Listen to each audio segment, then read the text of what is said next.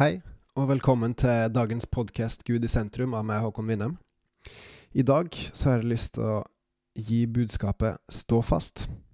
For ganske lita stund siden så eh, holdt jeg på å synge på 'Blessed Be The Name of The Lord' av Matt Redman eh, til Gud.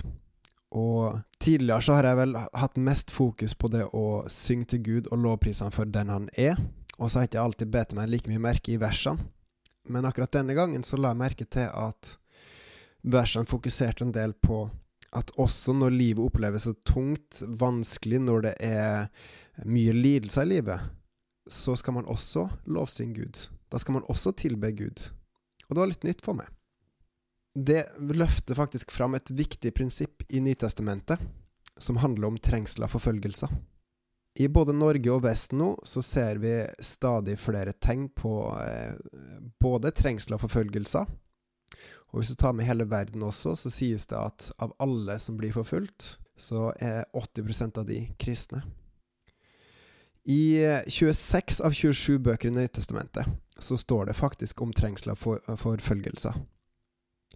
Eh, og en tenker gjerne at disse trengslene og forfølgelsene kommer utenfra, og det gjør de også. Men de farligste, de vondeste, de vanskeligste, de kommer faktisk innifra. Fra falske brødre, fra folk som eh, forkynner et annet evangelium. Eh, og det finner du i mange forskjellige bøker. Du finner det i Johannes' åpenbaring, som egentlig burde hett Jesus' Jesu åpenbaring. Du finner det i eh, Johannes sine brev, du finner det i eh, evangeliene, du finner det i de ulike brevene som Paulus og Peter har skrevet også. Så det er virkelig noe som går om igjen og om igjen. At blant de kristne så vil det være folk som har et annet evangelium, eller som eh, driver fram en vranglære, som forkynner en annen Gud, som forkynner en annen Jesus. Og det er med på å splitte menighetene og ødelegge for folk. Eh, og Johannes' åpenbaring den starter bl.a. med eh, at det kommer et budskap til sju ulike menigheter budskapet til de, som du også ser ut ifra det som står resten av boka, det er at for oss kristne så er det to ut, utveier. Det ene er fortapt, til evig død, og det andre er at vi vil få belønninga evig liv. Og da handler det faktisk om å stå fast, for Jesus, han vinner. Så merkelig nok så er trengsel og forfølgelser både naturlig og et sunnhetstegn. Og det er fordi verden kjenner ikke Gud, og djevelen, han er imot Gud. Og dermed så vil det være motstand. Når man tilber Gud og gjør noe som er godt og er med på å bygge Guds rike, så er det helt naturlig at det vil bli motstand. Fordi at det, de andre ønsker ikke at, det, at vi skal tilbe Gud.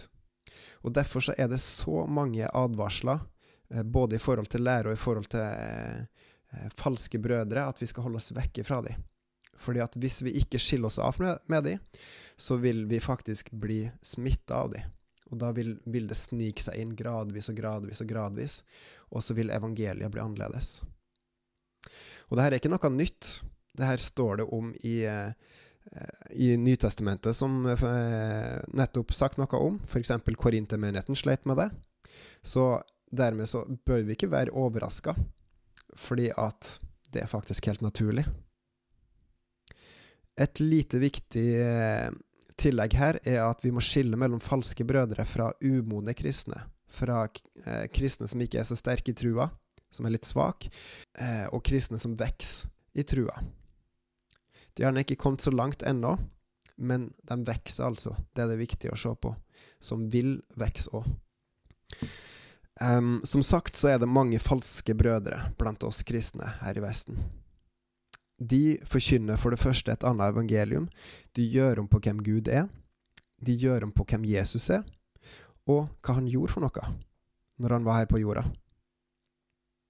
Og nummer to, de elsker ikke sine brødre, men sår splittelse. De ser det ikke sjøl, for de kjenner ikke Gud. Og nummer tre, de vil ikke bli kjent med meg heller, sier Gud, fordi de ikke er av meg, men de hører djevelen til. Eh, de ekte brødrene de kjennetegnes av om de følger Jesu to bud. Det første er tro på Han, tro på Jesus, Guds sønn. Han som ga avkall på sitt eget for å være mennesker lik. Han som eh, ble prøvd i alt det vi mennesker er, og så ga han sitt liv for oss. Ikke individet med, men altså for kollektivet oss, alle vi som tror. Og gjennom trua på Han, så blir vi Guds barn. Og nettopp derfor så skylder vi også å følge Han. Vi skylder å følge Jesus og gjøre sånn som Han sier. Elsk brødrene dine.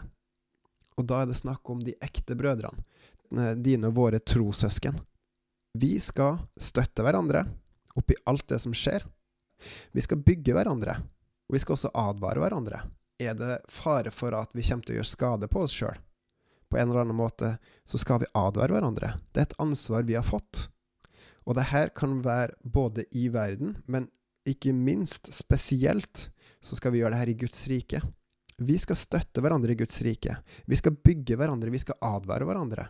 Sånn at vi som Guds barn, som Guds menighet, som består av alle de troende, vokser sammen i Gud, med Han. Og dagens utfordring er hvem er viktigst i ditt liv? Du sjøl eller Gud?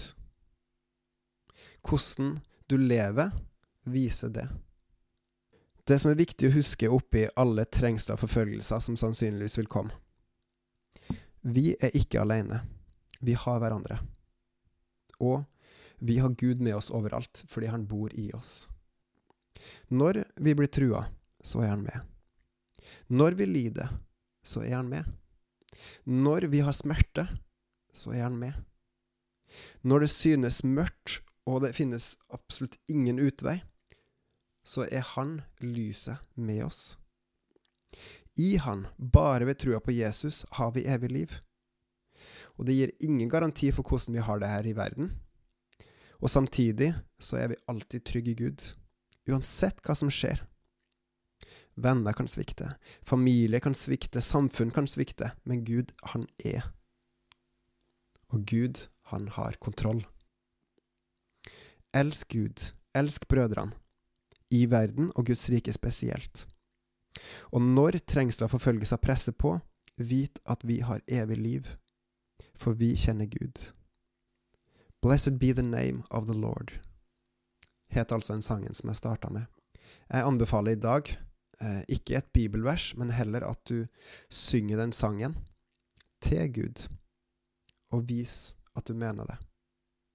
På gjensyn.